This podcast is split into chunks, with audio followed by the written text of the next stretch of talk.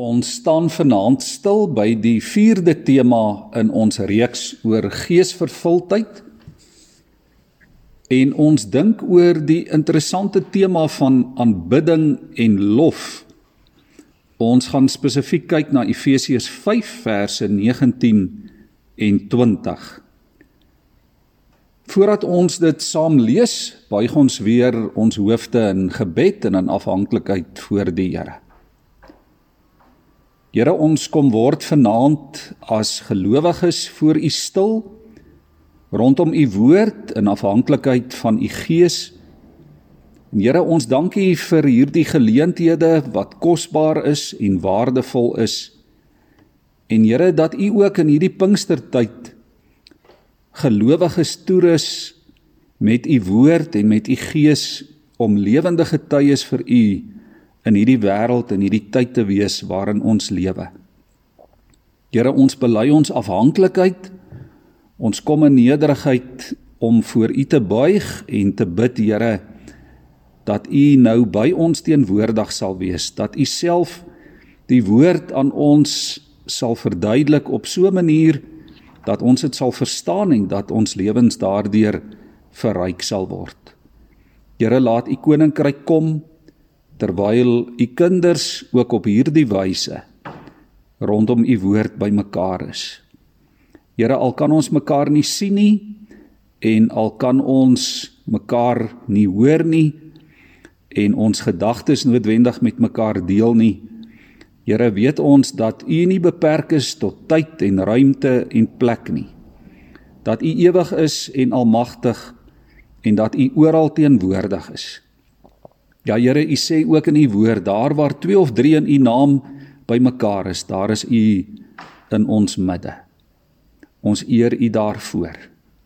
Amen. Liewe vriende, ons uh, lees vanaand net hierdie twee verse uit Efesiërs 5 en wel vers 19 en 20. Paulus sê: "Sing onder mekaar psalms, lofgesange en ander geestelike liedere. Sing met julle hele hart tot eer van die Here en dank God die Vader altyd oor alles in die naam van ons Here Jesus Christus. Ons dink vanaand spesifiek oor geesvervulde aanbidding en lof. In vers waarby ons gisteraand stil gestaan het, kry ons 'n baie duidelike opdrag. Maar 'n opdrag wat ook moeilik is. Waar Paulus sê, "Laat julle voortdurend vervul met die Heilige Gees." En dit beteken om die beheer van jou lewe oor te gee aan God. Dat hy elke gedagte, elke aksie, elke besluit in jou lewe beïnvloed. En liewe vriende, omdat ons so vol is van onsself en vol is van die begeertes van die eie ek en toelaat dat dit so maklik ons lewens dikteer, is dit nie so maklik om gehoorsaam te wees aan hierdie opdrag van die Here nie. Vanaf vers 19 beskryf Paulus hoe geesvervulde lewe prakties lyk en hoe ons moet leef in ons huwelike, in ons gesinne, in ons werksomgewings, in ons daaglikse stryd teen die vyand. En wat baie interessant is, is dat Paulus nie hierdie beskrywing van die geesvervulde lewe begin deur byvoorbeeld te verwys na evangelisasie of barmhartigheid of prediking of selfs mededeelsaamheid of heiligheid of enige van die aksies waarmee ons dikwels in die kerk besig is nie. Wanneer Paulus begin om die geesvervulde lewe te beskryf, dan begin hy by die manier hoe ons God aanbid. Iemand het eendag gesê jou aanbidding van God is die venster van jou hart en dit is baie waar. As jou hart aan die Here behoort, dan sal jou aanbidding aan die Here behoort. Dan sal jou aanbidding van God getuig. Jou aanbidding sal God verheerlikend wees. Verse 18 tot 21 is in werklikheid een aan een lopende sin.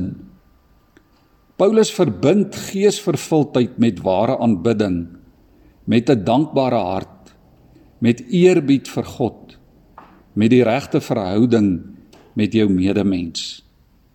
Hy sê uit ware aanbidding van God vloei daar ook ware omgee vir mekaar, ware liefde, eerbied, respek, waardering, erkenning vir die mense rondom jou. En nou is die vraag: hoe lyk geesvervulde aanbidding? Natuurlik is dit so dat mense se spiritualiteite verskil. Ons spiritualiteite verskil ook in die kerk. Dit verskil in ons gemeente, dit verskil in ons gesinne. Die manier hoe ons ons emosies beleef en hoe ons dit ook uitleef. Ons behoeftes verskil. Ons persoonlikhede verskil, ons opinies oor dinge verskil. En vir sommige van ons is aanbidding 'n tyd van stil word, van nadink en mediteer oor die teenwoordigheid van God. Vir ander is aanbidding weer om jou hande op te hef om uitroepe van lof tot God te rig. Dalk om op en af te spring op die maat van musiek. So verskil ons van mekaar. En waarskynlik is nie een van hierdie beskouings verkeerd nie. Dalk lê die antwoord selfs iewers in die middel van hierdie twee uiterstes. Maar die vraag moet altyd wees: is God teenwoordig in dit waarmee ek besig is? En vers 19 kom baie duidelik en sê hoe geesvervulde aanbidding lyk en klink. En dit is baie interessant hoe Paulus dit uiteensit. In die oorspronklike Grieks stel Paulus dit baie interessant. Hy sê praat met julleself psalms, lofsange en geestelike liedere. En ons vertaal dit met sing onder mekaar. In hierdie praat met julleself gebruik Paulus die Griekse woord laleio. Laleio. En dit verwys na die klank wat 'n mens se tong maak as jy dit op 'n sekere manier beweeg. Letterlik beteken dit iets soos la la la di da. Dit gaan oor die verbale klanke wat ons met ons tonge met ons monde voortbring. En dit beteken om te praat om jou woorde en jou stem te gebruik. En nou bedoel Paulus jy en ek kan nie aan openbare aanbidding deelneem en die heeltyd net stil wees nie. Natuurlik is daar plek vir stilte en aanbidding. Meditatiewe momente is belangrik, dis nodig. Dis nodig om stil te word voor die Here. Dis nodig om jouself af te sonder in gebed, om dit gereeld te doen. Om dalk iewers in die natuur te gaan stil word met die woord en met die Here. Maar Paulus sê ook Ons moet ook ons monde kan oopmaak. Ons moet ons tonge kan beweeg. Ons moet klanke en woorde met mekaar kan deel. En dit is 'n opdrag van die Here. Die woord laleio om te praat of om klanke voor te bring, vra ons betrokkenheid. Dit kan nie passief gebeur nie. Wanneer die Heilige Gees beheer neem van 'n mens se lewe, dan vul hy dit met vreugde. En wanneer vreugde 'n stem kry, loop dit uit op liedere van lof oor die grootheid van God. 'n Geesvervulde Christen is 'n singende Christen. Paulus noem spesifiek 3 maniere van verbale aanbidding en dit is baie interessant dat Paulus nou nie net bloot sê sing geestelike liedere nie. Hy kon dit seker maklik gedoen het. Dat hy vir ons kon aanspoor deur net eenvoudig te sê sing geestelike liedere tot eer van God. Wat doen Paulus? Hy noem spesifiek psalms, gesange en ander geestelike liedere. Nou moet ons dit ook reg verstaan. Die woord psalm is 'n Grieks-Latynse woord wat verwys na woorde wat in musiek verwerk is. Kom ons dink maar aan die psalms in die Ou Testament, die psalms van Dawid wat basies woorde was wat Dawid geskryf het en in musiek verwerk het. Dit wil sê die kombinasie van die woord van God met musiek.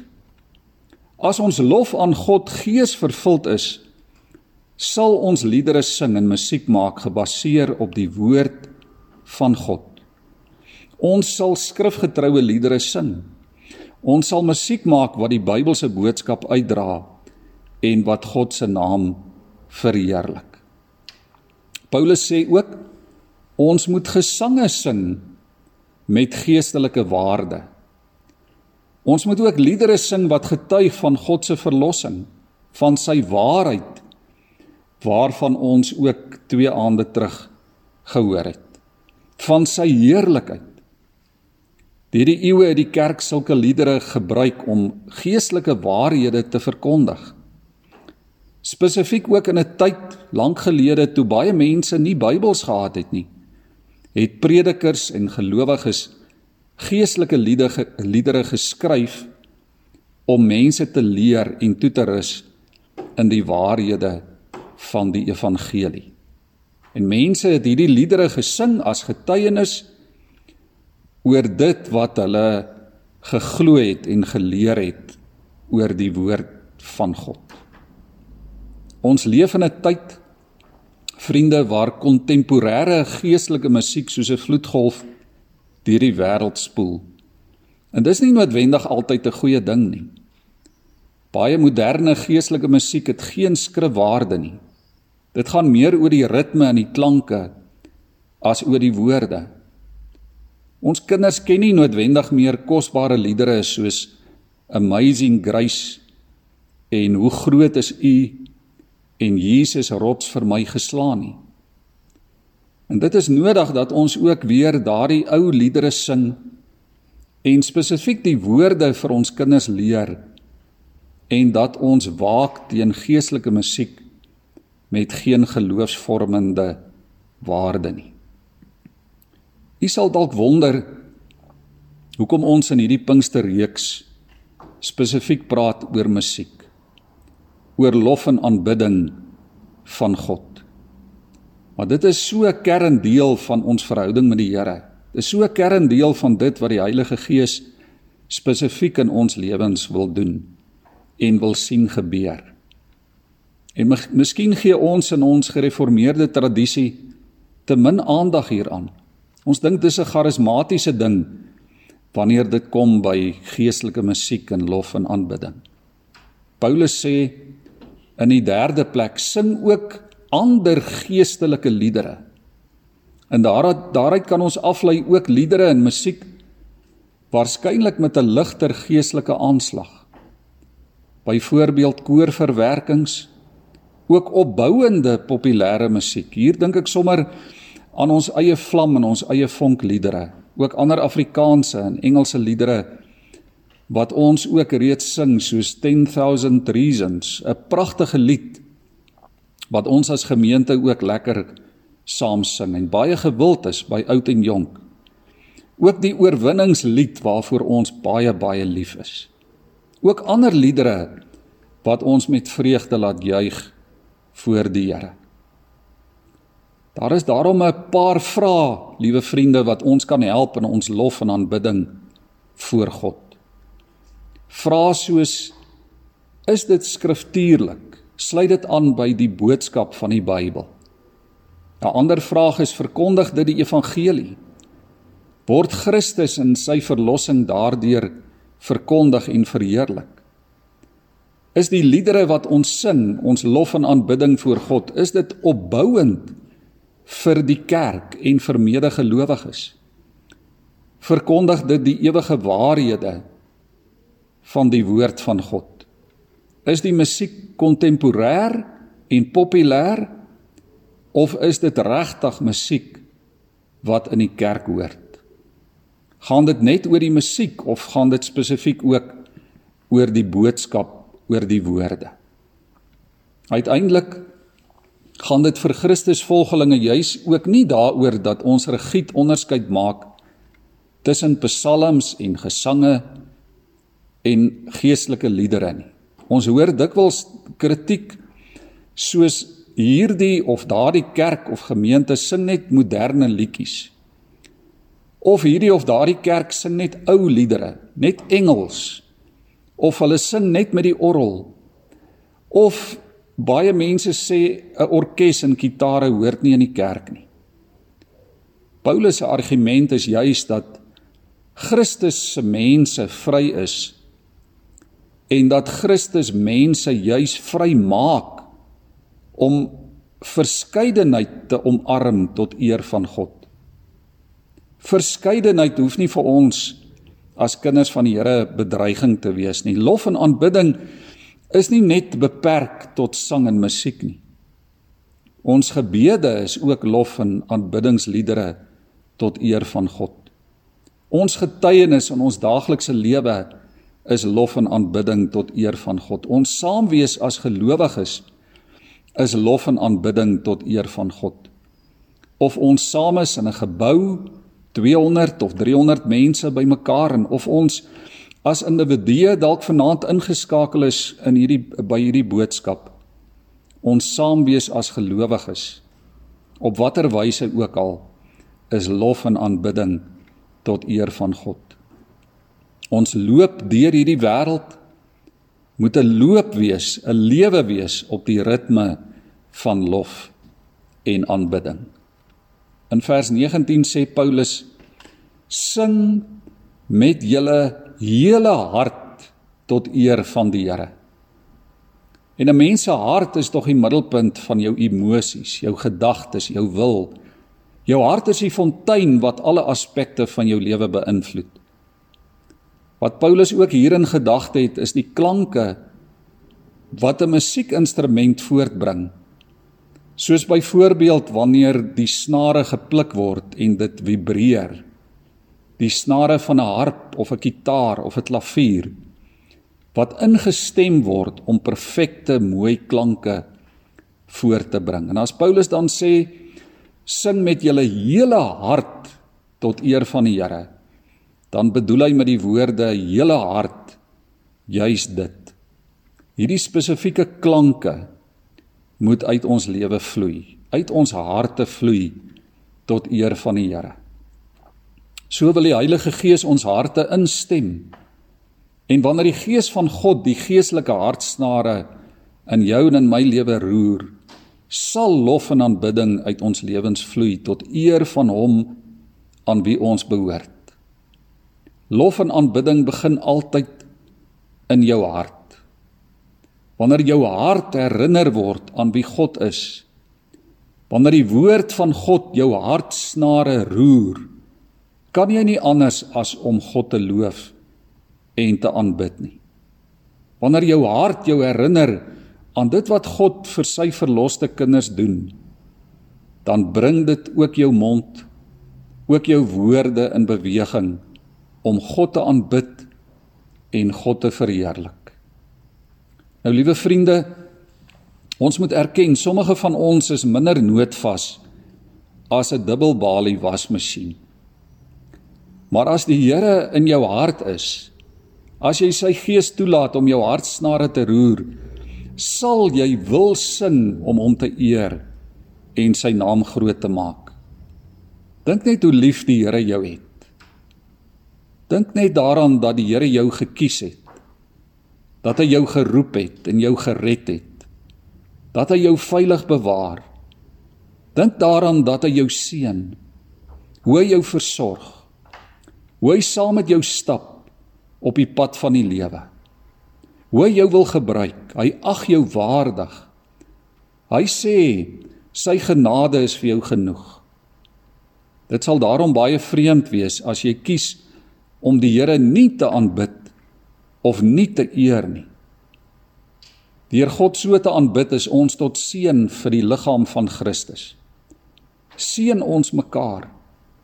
En so bou ons mekaar op in geloof as ons fokus die eer van God is. Die woord wat hier in vers 19 met lofgesange vertaal word herinner ons ook aan die aan die hoe hoe geluid van 'n uil. Dit herinner ook aan die kwak van 'n padda. En liewe vriende, as 'n uil kan hoe en 'n padda kan kwak, dan kan jy en ek ons harte en ons monde oopmaak en God aanbid en sy lof besing. Dalk hou die ou langs jou nie van jou stem nie. Maar dit maak nie saak nie. God die Almagtige word verheerlik deur die lof en die aanbidding wat uit jou hart en uit jou mond uitkom. Amen. Ons gee graag geleentheid om vanaand ook weer 'n bietjie te dink en te gesels oor die volgende gedagtes. Dink gerus oor jou eie persoonlike spiritualiteit. Waarmee is jy gemaklik of dalk ongemaklik as dit kom by aanbidding en lofprysing? Kom ons dink ook prakties daaroor. Hoe kan lof en aanbidding moontlik anders wees in die kerk na COVID-19? En dan gee ons weer graag geleentheid vir gebed in stilte of saam as gesin in afhanklikheid voor die Here.